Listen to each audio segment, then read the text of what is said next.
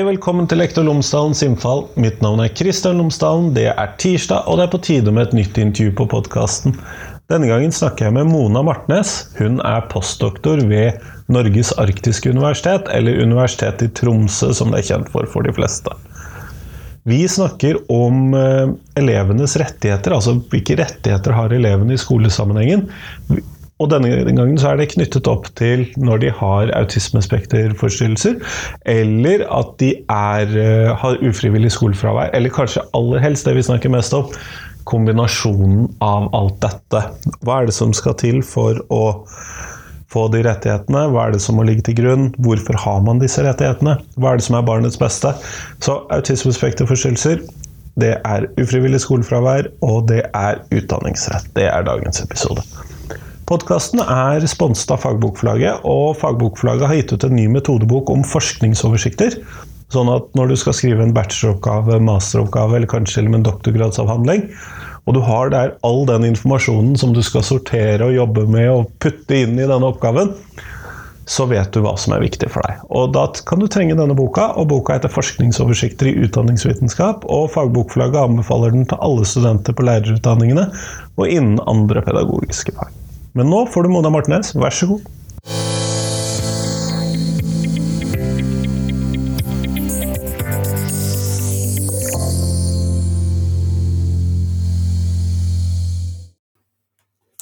Mona Martnes, tusen takk for at du har tatt deg tid til meg i dag. Ja, bare hyggelig. Tusen takk for å bli invitert. Før vi kommer sånn ordentlig i gang, så tror jeg du må fortelle lytterne mine tre ting om deg selv, sånn at de kan få bli litt bedre kjent med deg. Ja, og det må ikke være noe veldig spennende eller eh, det nei, hva, hva, som helst. ja, hva nei, som helst. da kan jeg jo si at jeg er fra, fra, Alta og Tromsø, altså litt fra begge de plassene. Og er egentlig veldig glad i Nord-Norge, men samtidig så hater jeg Nord-Norge, fordi det er jo så mye dårlig vær her. Sånn at eh, det, ja, jeg er litt ambivalent, og jeg tror stadig med å flytte, men jeg tror kanskje ikke jeg kunne bodd noen andre plasser. Så det er vanskelig, det der. Ja. Sterk tilhørighet, ja. Ellers så er jeg jo også kronisk klumsete. Eh, men eh, ja, det, det, vil jo dem som har sett meg live vite, for jeg bruker jo å miste mikrofonene og måtte krype rundt foran forelesningene. Ja, kronisk klumsete. Eh, det, det, er det vi har myggmikrofoner til. Ja, men det er dem jeg klarer å peive av, for det er et eller annet med hendene mine som, som lever sitt eget liv når jeg blir stressa. Så, så, det, ja, kronisk, ja, da har vi det. Og ellers det tredje, kanskje at jeg egentlig veldig nerdete, supernerd, men, uh, men, jeg trivdes ikke spesielt godt på skolen. Så, så det er også kanskje et, et paradoks, egentlig. Jeg elsker å lese og skrive og, og grave meg ned i ting, men, men, ikke så god å bli undervist. Nei, det fins det flere av. ja, det vil jeg tro. Men kjempeflott, eh, Mona. Det som vi skal snakke om i dag, det er hvilke rettigheter elever har i Eh, møte med skolen når de har eh, ufrivillig skolefravær, eh, særskilt f.eks. når det kommer til sånn ulike grupper i skolen. Og kunne du hvilke rettigheter har elever egentlig i den sammenhengen? Eventuelt deres foreldre, jeg er litt usikker på hvem som har rettighetene i dette momentet. Ja, altså, jeg jobber jo først og fremst med barns rettigheter, så jeg er jo nesten litt dårlig på foreldrerettigheter. Jeg har jo eh, hele, mitt, eh, hele, hele min yrkesliv jobba med barns rettigheter. Det er på en måte fra den sida jeg ser eh, reglene på. Uh, altså det perspektivet jeg har. Uh, så, så det, ja. Men uh, det er jo et vanskelig spørsmål, for så vidt. at når jeg jobber med rettigheter, så jobber jeg egentlig med menneskerettighetene, altså de, de internasjonale rettighetene. Og de er jo ikke helt altså, De er jo for så vidt norsk rett, sånn at, at barn har jo de rettighetene som står i Barnekonvensjonen og Den europeiske menneskerettskonvensjonen, og også de andre konvensjonene som er relevante i den sammenhengen, og som Norge har, har tiltrådt eller ratifisert, som vi sier da. Og så er det jo noen av dem som er implementert på ulike måter inn i ulike lover, sånn som opplæringsloven. Men opplæringsloven har ikke så mange altså Menneskerettighetene kommer ikke så tydelig frem i den som i kanskje enkelte andre, andre lover. Sånn, eh, før så jobba jo jeg med utlendingsrett, altså immigrasjon. Og der er jo f.eks. barnets beste tydelig tatt inn i en rekke bestemmelser for å eh, tydeliggjøre at Eh, det som er til et barns beste skal være et grunnleggende hensyn i, i alle avgjørelser. Eh, og Det gjelder jo også i skolen, sånn at barnets beste er jo helt, helt overordna sentralt prinsipp og et hensyn eh, som vil gjelde uansett hvilket område man er på der barn blir berørt, også i skolen. Eh, så har jo alle barn rett til å ikke bli diskriminert også i skolen. Eh, og på alle andre områder, selvfølgelig. Og det følger jo av Barnekonvensjonen, av Grunnloven og av Den europeiske menneskerettskonvensjonen. Så, så, så det er jo en helt sentral rettighet. Men Det er utrolig mange rettigheter, da, men kanskje man kan starte med de fire prinsippene da, som vi bruker i, etter som følge av Barnekonvensjonen. og Det er jo da barnets beste, som jeg allerede har nevnt. og Så er det ikke-diskrimineringsretten, som også er et sånn generelt overordna prinsipp. Og så har vi retten til liv, overlevelse og utvikling. og Akkurat liv og overlevelse det er jo ikke det som er kritisk, heldigvis, i, i de her sakene, men utvikling er jo sentralt. Det å ha en helhetlig utvikling. Utvikle seg både faglig, emosjonelt, sosialt. Altså alle, alle deler av det å være et menneske. Det har barn rett til. Ehm, og den tredje er at de har rett til å bli hørt, og i tråd med deres alder og utvikling så skal barnet sin mening vektlegges. Og, og jo mer modent, sier man gjerne, jo, jo, større vekt skal man legge på det. Men også alder er et selvstendig kriterium som, som gjør at man skal legge vekt på det. Men, men det gjelder alle barn helt fra, fra eh, ung alder, sånn at eh, også små barn har rett til å bli hørt og få sin mening vektlagt. Det, det vet jeg ikke om vi alltid husker på. Nei, nei det tror jeg ikke. Men, og så er det selvfølgelig litt uh, ulike kontekster. Da. Det er jo ikke alltid at uh, man som forelder det, spør ungene sine om alt og, og, legger stor vekt på det. Da hadde man jo aldri kommet seg ut døra, i hvert fall hvis man har en unge som ikke liker å gå ut, f.eks. altså, mye kunne gått galt, men, men, men, i barnet sitt dagligliv, og også på skolen, da, siden det er det vi snakker om her, så skal, skal deres mening vektlegges. Og, og det gjelder jo det som er med de her rettighetene, særlig barnets beste og eh, ja, for så vidt ikke diskrimineringsretten og retten til å bli hørt, er også at det er både sånne kollektive elementer, sånn at klassen som gruppe f.eks. skal jo høres, men det er jo også en individuell rettighet. Eh, sånn at det enkelte barnet har jo rett til å bli hørt, og det gjelder jo egentlig som, altså i alle spørsmål som angår barnet, men det er jo særlig viktig når det begynner å bli vanskelig å være på skolen. Dette høres veldig komplisert ut. ja, ja, det, ja, det, er jo det. Det, det. Man må jo finne noen praktiske måter å operasjonalisere det på i, i hverdagen, som er overkommelig, selvfølgelig. Men, eh, men, hvis vi tar retten til å bli hørt, så er det også veldig veldig viktig. fordi at, at, det å ikke bli hørt dag etter dag når man prøver å gi uttrykk for at noe er feil i livet, eksempel, eller på skolen, da, det er jo også skadelig. sånn at, at det er jo det er kjempeviktig at man prøver å finne ut hva er det som er hva mener det her barnet om, om den situasjonen, og hva, hva, har det noe forslag til hvordan det kan bli bedre. Og så er det jo ikke alle unger som vil bli hørt, altså de vil ikke si noe, snakke direkte om et problem f.eks. Og da, da eh, har de jo ikke plikt til det. Det er jo en rett, men ikke en plikt for ungen. Eh, men man må jo prøve litt andre varianter. Da. Det kan jo være at det rette er å høre ungen gjennom foreldrene eller gjennom et brev. Altså det, man bruker litt fantasien hvis ungene ikke vil snakke direkte med dem som, som, som spør.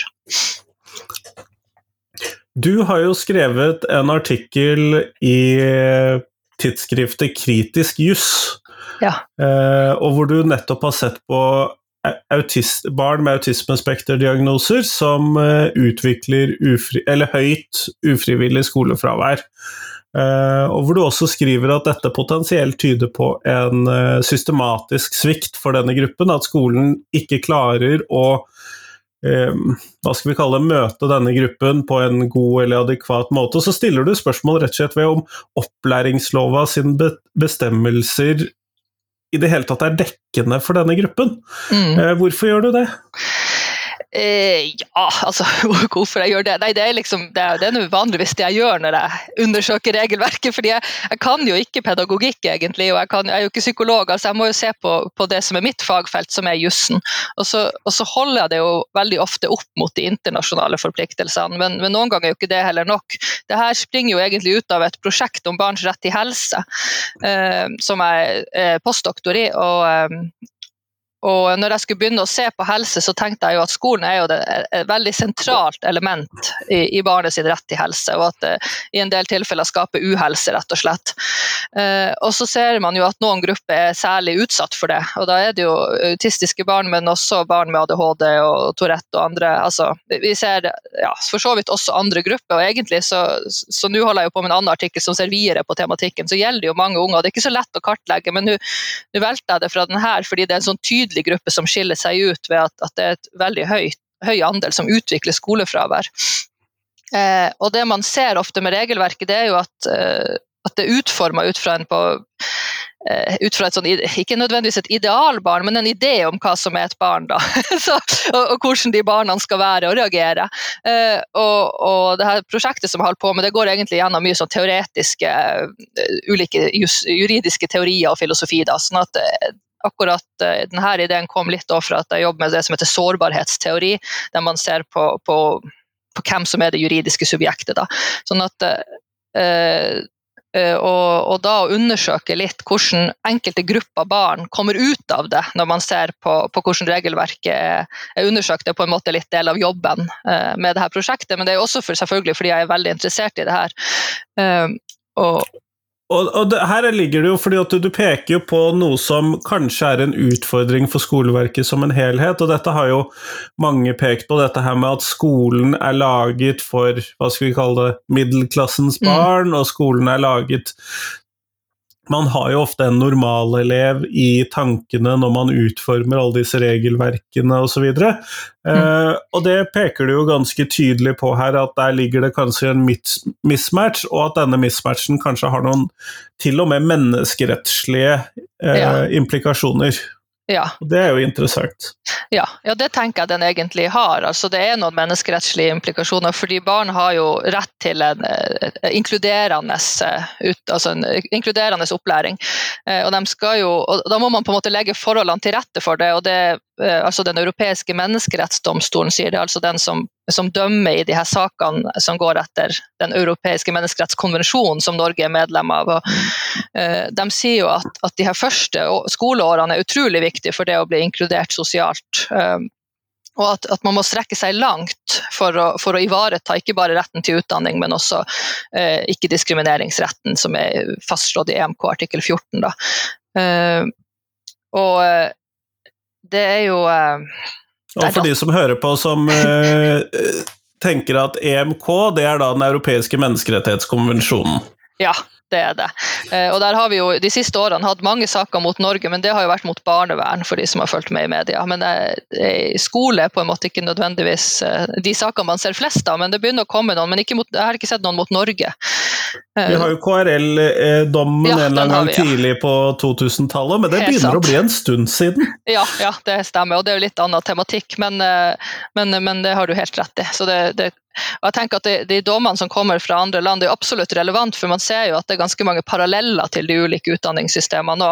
Men eh, det EMK særlig har sett på, det er jo eh, retten til utdanning i lys av ikke-diskrimineringsretten. Eh, og når, når EMK ser på dette spørsmålet, så bruker de jo både Barnekonvensjonen og CRPD, altså Konvensjonen for mennesker med nedsatt funksjonsevne, som jo også er vedtatt, ratifisert i Norge. da. Sånn at, at, de trekker på en måte sammen de her ulike rettighetskonvensjonene som er sentrale, og så ser de på hva er det barn har rett til. Eh, det som er med retten til utdanning, det er at det ikke eh, kanskje blir veldig faglig, det her, da, men altså det er jo både en sivil og politisk rettighet og en økonomisk og sosial rettighet. sånn at det er en veldig sentral menneskerettighet. Eh, så ja, det jo, De fleste menneskerettighetene er jo veldig sentrale. Jo, men jeg vil jo samtidig argumentere for at det er en av de rettighetene som legger grunnlaget for at vi skal kunne hevde våre menneskerettigheter. Ja, ikke sant. Det er jo det. Så, så, og Det har jo litt å si for hvor stor skjønnsmargin staten har da i utforming av, eh, av regelverk og i praksis, praktisering av det, eh, og, og, hvordan man ivaretar rettighetene til mennesker. Sånn at eh, Det EMK sier, EMD sier er jo at det er jo ikke vel, altså Selv om man i utgangspunktet har en ganske vid skjønnsmargin, så er jo ikke den ubegrensa. Og, det og det her er jo, er jo, typiske formuleringer fra EMD, da, men, det, men det betyr at det ligger noen forpliktelser i det, også økonomiske forpliktelser til å, til å sørge for at man har har et, et eh, regelverk og, et, et, skolesystem som faktisk eh, ivaretar barn uten diskriminering. Og det man ser med autistiske barn, da nevner jo EMD akkurat det her er en gruppe som har vært særlig diskriminert i fortida, sånn at man vet jo at, at her må det, må det gjøres noe for å inkludere den gruppa. Nettopp, og det gjør det jo potensielt enda mer krevende å skulle hva skal vi kalle det, lykkes med dette, når det da mm. allerede ligger litt på minussiden fra starten av? Mm, ja, det, det, gjør for så vidt veldig ofte det med de oppramsa kategoriene i, i ikke-diskrimineringsrettighetene. Det er jo, eller igjen, i diskrimineringsgrunnlagene, da, det er jo typiske grupper eller egenskaper som folk har blitt diskriminert for tidligere. Eh, og sånn at, at det, det, gir jo en utfordring at, at, det ligger på en måte så i systemet. For det er jo ikke nødvendigvis snakk om ond vilje, men at man på en måte Og det, og det henger jo igjen sammen med hvem man har hatt i tankene når man utformer et regelverk.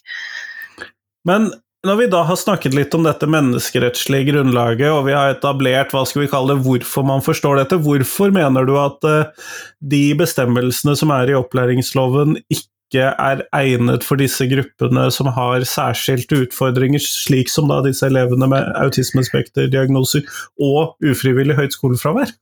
Uh, ja, altså jeg tenker at uh, Det er òg et veldig vanskelig spørsmål. Du stiller veldig mange vanskelige spørsmål. Uh, det er jobben min. det, er jobben din, ja. For, for hvorfor? Ja, altså, jeg tror vel at man har Igjen, det henger sammen med hva man har tenkt på når man har utforma reglene. Og at man har vel kanskje ikke hatt fokus eh, på akkurat skolefravær engang. fordi at det sier jo at fraværsreguleringa er ganske tynn. Uh, og den, den, som er foreslått, den er jo knytta opp mot barn sin aktivitetsplikt. Men jeg mener jo at når barn ikke Eh, barn utvikler ufrivillig skolefravær, så er det jo ikke fordi de ikke vil være på skolen, det er jo fordi de ikke kan. og Da, da gir det ikke noe sammenheng å henge det på aktivitetsplikter, for det er jo ikke barnet som svikter. Det er jo systemet rundt det som ikke klarer å, å legge til rette for at de faktisk skal klare å, å være aktive på skolen. Um, så Det er jo ett eksempel. Uh, det andre er jo at det, altså, altså det går jo veldig sakte når det først begynner å bli problemer på skolen. Så jeg mener jo at det burde vært noe noen tidsfrister. Og Det sier jo også de menneskerettslige forpliktelsene, både etter altså det som følger av Barnekonvensjonen om barnets beste, men også etter EMD sin praksis. Det er jo at når, når, når det gjelder de her spørsmålene og retten til undervisning, så det, haster det jo. Det kan, man kan ikke bare la årene gå. Uh, og, og, tida gå, sånn at man burde jo ha et eller annet sånn at når man ser at en unge mistrives på skolen, eller at det er et eller annet som gjør at de faktisk ikke klarer å være del av tida eller, eller hele tida på skolen, så, så, må det gå fort. Altså Man må ha et, et, system på plass for å sørge for at denne rettigheten ivaretas. Men man sier jo gjerne at staten har plikt til å både respektere menneskerettighetene, beskytte og oppfylle, og det her er jo snakk om å beskytte og oppfylle, så det er jo positive tiltak som kreves. Uh, og da mener at det også må være noe som gjør at man faktisk klarer å gjøre det i tide. Det nytter jo ikke å komme mange mange år etterpå mens problemene eskalerer. Ja, og det, der har man jo sett noen rettssaker knyttet særlig til mobbeproblematikk, som, mm. uh, hvor norske kommuner f.eks. har blitt dømt for å ikke ha gjort det de skulle. Ja, ja. Men det har vel kanskje ikke vært noen knyttet til ufrivillig høyt skolefravær og sånn ennå, men uh, man kunne jo se for seg at det ville komme. Ja, ja det, det, skulle man jo tro, egentlig, at det, at det vil komme etter hvert. Uh, det er jo, altså, I utgangspunktet så er jo også klagesystemet for barn, og det gjelder ikke bare innenfor opplæringsretten, men generelt. Altså det, det, tar tid, det også. Det er jo ikke så veldig effektive eh, mekanismer før man kommer til eventuelt til en domstol. og Der er jo spørsmålet om, om ikke tida har gått og, og alle de kravene til, til at man skal ha en, en, rettslig interesse i å gå til sak, og det er dyrt. Titt, altså, sånn at jeg tenker jo at Man burde jo hatt effektive rettsmidler tidligere for barn, kanskje også som barn faktisk kan nyttiggjøre seg. Ja, men det vil jo variere fra gruppe til gruppe med barn og hvor ung de er også, men, men, men statsforvalteren er kanskje ikke det mest effektive. Nei, de har nok en del å jobbe med. Men ja. En av de store debattene de siste årene har jo vært knyttet til dette kapittel 9a i opplæringsloven, mm. og at det fra et lærerhold, fra mange lærere, blir sett på som eh, en for stor problemstilling. Mm. Eh, altså at de har for få rettigheter i forhold til de utvidede rettighetene. Men kunne man ikke da se for seg at elevene At alle de tingene du dekket opp, ble håndtert gjennom da dette kapittel 9a? Jo, man kunne jo det, men eh, altså, det er jo vanskelig å få til hvis strukturen på, på, på skolehverdagen eh, ikke legger til rette for det. Og, og, noe av det, Man ser jo på statistikken at det er kapittel 9, vi kommer jo ikke helt i mål med det eh, i det hele tatt, egentlig. Og så tenker jeg jo at, eh, at, eh, det her med store klasser med støy altså Det er jo noe som ikke bare plager autistiske barn. for så. Det er jo et problem for veldig mange unger i hverdagen, og også for lærerne. Tenk, eh, så Det er jo egentlig sånn sett ikke noen motsetning mot at, at, at, at man på en måte ikke har regulert det på andre måter. Eller, eller i hvert fall hadde annen, et annet system for å sørge for at skolen ivaretar alle. Men, men ja, nei, jeg jeg skriver jo litt om det og mener jo at det ikke er helt effektivt nok, særlig med det fokuset på krenkelser. Mens egentlig så, så er det jo også andre, andre, en god del andre faktorer som overgang og støy, som jeg allerede har nevnt, og, og lys og lyd og lukt, som kan gjøre det utrolig vanskelig for autistiske barn på skolen. Uh, og så tror jeg jo at hvis man bare fokuserer på krenkelser generelt, at man glemmer litt det her med det, mellommenneskelige, altså de relasjonene som kan, kan, skape et dårlig skolemiljø. Det trenger jo ikke nødvendigvis å være krenkelser fra enkeltpersoner, men, men, uh, men det er jo nok at et par unger ikke har det bra i en klasse, og så vil jo skolemiljøet gradvis bli dårligere, er mitt inntrykk. Uh, sånn at, og, og da kanskje sånn at selv om, dette, selv om dette da kanskje egentlig fokuserer på individene, så mm. er dette viktig også for fellesskapet? Er det ja. det du sier? Ja, jeg tenker det. Eh, men eh, det her er jo egentlig litt fag utenfor jussen, da, for så vidt. Så, så, så, det er jo veldig vanskelig. Skulle, skulle hatt en partner her som hadde det andre perspektivet. for det Eh, det er sjelden vi får med noen fra alle fagfeltene vi skal dekke inn, for det tror jeg er ganske mange fagfelt. Ja. Eh. Ja, ja. Nei, det, det, vil jeg tro. Men, det, men, jeg tenker jo at det kanskje er for stort individfokus på akkurat NIA og det her med individuelle krenkelser, når det rett og slett er hele systemet, altså miljøet og i helhet, som skaper problemer. Men du sa i stad at dette her, at fraværsreglene i skolen er ganske tynne. Uh, ja, altså foreløpig så i den någjeldende opplæringsloven så er det jo ikke eh, vedtatt noe plikt for å fra, altså følge opp fravær engang. Nå, nå er det jo retningslinjer på det, fra, altså ulike retningslinjer fra UDIR som gjelder litt ulike situasjoner også. Eh, men, men man, eh, ideelt sett så bør det jo stå i loven noe om om oppfølging av fravær. Og Det er jo det som er foreslått i ny opplæringslov, men det er da satt sammen med, med barnet sin aktivitetsplikt. Mens jeg mener at man kanskje burde ha et, et tydeligere fokus på skolen sin plikt akkurat i denne sammenhengen også. Hvorfor blir det en forskjell? Siden jeg ikke er jurist, ja. men lærer. Nei, altså Det der er jo litt sånn lovteknisk spørsmål, men jeg mener jo at hvis du setter akkurat i samme paragrafen i samme ledd, så ser det jo ut som det er knytta sammen. Altså det at barnet ikke, altså, ikke oppfyller, oppfyller, sin aktivitetsplikt, og at kobles, altså at fravær kobles til det. da, At det på en måte er barnet som ikke oppfyller plikten. Mens hvis du hadde hatt en egen fraværsbestemmelse om oppfølging av fravær, og, og tydelig plassert det på skolen, det å undersøke og, og kartlegge og få, og få gjort eh, tiltak som skal hindre fravær, uansett hva det gjelder. Og det tenker jeg også at det med, med sykefravær og undervisning hjemme hvis barnet en periode ikke klarer å være på skolen, altså alle sånne ting burde vel vært regulert, fordi at eh, ellers så blir det vel neppe prioritert. Ja, det har vi jo sett i noen skoler, i, særlig på Vestlandet nå, eller kommuner heter det mm. vel, siden det er de som har ansvaret for dette, ja. hvor man har oppdaget at dette har vi egentlig ikke fulgt så nøye med på. Mm, ja, ikke sant. Eh, og da tenker jeg at det er jo ganske, ganske viktig å, å, ha det i loven, som på en måte er det, det, den øverste, eller ikke, det er jo ikke den øverste rettskilden, for det er jo faktisk Grunnloven og menneskerettskonvensjonene som er inntatt i, i menneskerettsloven. Da. Så de står jo over opplæringsloven. Det vil jo altså, gjelde Barnekonvensjonen og Den europeiske menneskerettskonvensjonen. Men jeg ser jo ikke for meg at at eh, skoleeierne bruker så veldig mye, ikke alle, noen gjør kanskje det, i, i regelverket. og Da er det jo viktig at det er også er tydelig i den, den loven som brukes mest. Uh, når det er sagt, så syns jo ikke jeg at uh, opplæringsloven, verken den som, den som er nå eller egentlig den som er foreslått, veldig tydelig gjenspeiler barns rettigheter, men, men, det som er foreslått vil jo antageligvis bli bedre, for da vil du jo få barnets beste inn mer overordna og retten til å bli hørt, og de her som, som på en måte danner grunnlag, grunnlaget, tenker jeg, for en, en god skolehverdag.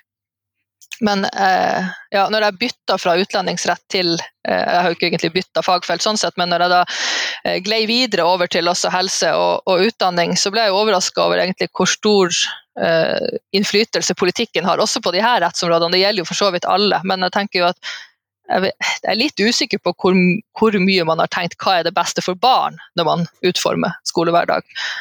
Eh, eller utformer regelverket som skal danne grunnlaget for en skolehverdag som er god. Ja, og det er jo litt interessant, fordi at eh, jeg vet ikke i hvor stor grad hva skal vi kalle politikerne, bortsett fra noen sånne der, eh, hjertebarn de har, eller ja. sånne trendsaker eller lignende, for det hender jo at vi ser. Mm. Eh, men jeg vet ikke i hvor stor grad de hva skal vi kalle, ser sammenhengen mellom det de vedtar i opplæringslovene når de kommer, og disse eh, kladdingene de gjør på disse lovene underveis, og det de ønsker å få ut på andre siden, det er jeg virkelig litt usikker på. Ja, det, det, det og det er kanskje noen, altså noen områder av politikken er jo veldig nært kobla til jussen på en annen måte, kanskje, men så, jeg ser jo for meg at det her er et, et eh, område der politikk, ulike politikk, politikker får litt sånn stort spillerom, og at man ikke kobler det så mye til, til de overordna rettighetene eller eller hva som egentlig er best for barn, da, som er både en overordna rettighet, men også en, et prinsipp man på en måte skal styre etter når man, ut, altså når man utformer regelverket, og retningslinjer og, og, og forskrifter. Men i hvilken grad henger dette barnets beste-prinsipp og disse perspektivene som du tenker på knyttet til elever med autismespekterdiagnoser osv., sammen med f.eks. elevenes rett til informasjon i skolen, og rett til å bli informert om de hva de skal drive med der og sånn. Eh, for jeg ville tro at for noen av disse elevene så er mangelen på god mm. nok informasjon en faktor for at man ikke klarer å være på skolen. Ja, ja, det, det, henger jo veldig nært sammen. Uh, men barn har jo egentlig en selvstendig rett til informasjon. Uh, og så er det jo noen barn som har mer et behov for, for mer inngående informasjon. og det, det, fanges på en måte opp av barnets beste, fordi at barnets beste gjelder jo både i handlinger og i avgjørelser. Det, altså det betyr jo at hvis du har en unge som har behov for masse informasjon for at skolehverdagen skal funke, sånn som i disse tilfellene veldig ofte er tilfellet, så er jo det en del av det å operasjonalisere barnets beste, rett og slett. For barnets beste skal jo tilpasses det individuelle barnet og det, det barnet sine behov. Og i det kommer jo også hva barnet mener inn som et veldig tungtveiende element i vurderinga av barnets beste. Da. Sånn at uh, så det at barnet har et større behov for et eller annet, ja. øker også retten til Uh, disse, altså det øker ja. Eh, rettighetene. ja, det, det, er på en måte sånn barnets beste funker, ideelt sett, hvert fall, hvis man bruker det riktig. sånn at Jo, jo tyngre behovet for et eller annet, det er da informasjon, forutsigbarhet, færre overganger. Uh, jo mer må man legge til rette for det. Og Det er jo egentlig fordelen med barnets beste, fordi den, den skal jo vurderes veldig individuelt. altså Ut fra det konkrete barnets situasjon, egenskaper uh, og, og faktorer, andre faktorer som har noe å si for hva som er best i akkurat det her barnet. Uh, mens andre, det, andre, rettigheter er jo kanskje mer overordna, men akkurat barnets beste skal jo helt ganske konkret til verks i hverdagen, også i de handlingene når man foretar et valg. Går det an å ha gym i dag, eller har han eller hun en for dårlig dag? Altså, det er ikke sjans. Kan vi gjøre noe som gjør, gjør denne dagen bedre? Altså, det, det, er jo fordelen med barnets beste, tenker jeg. Brukt på riktig måte. Ulempen er jo at det er veldig mye skjønn i det. sånn at Hvis man har en som ikke, ikke forstår helt problematikken, ikke klarer å, å, å, få denne ungen til å gi uttrykk for hva den ønsker, så, så kan det jo brukes feil igjen. Det gjelder jo også på mer overordna nivå. Så det å vurdere hva som er til et barns beste generelt, vil jo ofte farges av egne oppfatninger. Men jeg tror jo veldig mange i skolen er flinke, så det, det, det, det må de jo være, håper jeg. Ja, og det tror jeg òg, men mm. samtidig så må man jo ha ressursene til ja. å eh, møte dette. Ja. Uh, og det kan jo være en problemstilling i for, for hva skal vi kalle for bakkemannskapet mm. til å skulle tilfredsstille disse rettighetene. Ja.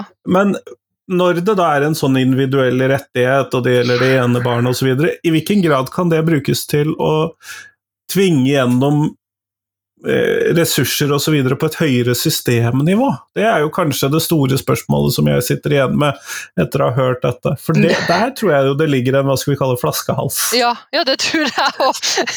og det er, jo, det er jo kjempevanskelig pga. også bl.a. det her med kommunale selvstyre, og kommunene har dårlig råd, og det er prioriteringer, og, og, en viss politikk er det jo. Men, men man må jo tenke at det, det, altså for å verne rettighetene til barn, så må det jo ligge enkelte vinstekrav, i hvert fall. At man ivaretar kjernen av rettighetene rettighetene. Det at en unge ikke klarer å være på skolen, da har man jo feila, tenker jeg. Da, er, da, da, har man ikke ivaretatt noe kjerne av rettighet.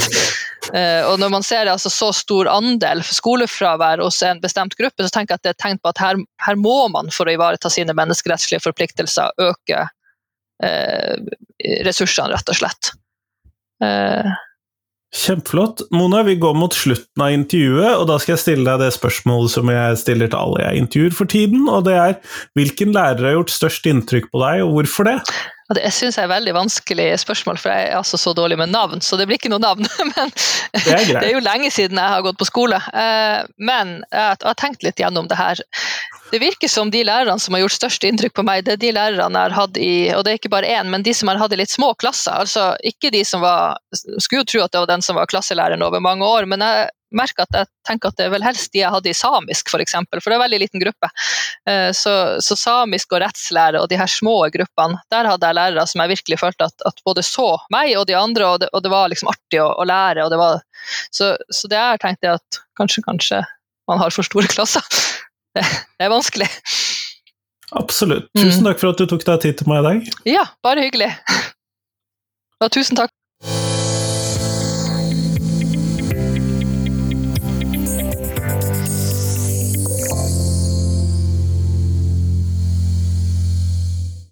Tusen takk til Mona, og tusen takk til deg som har hørt på.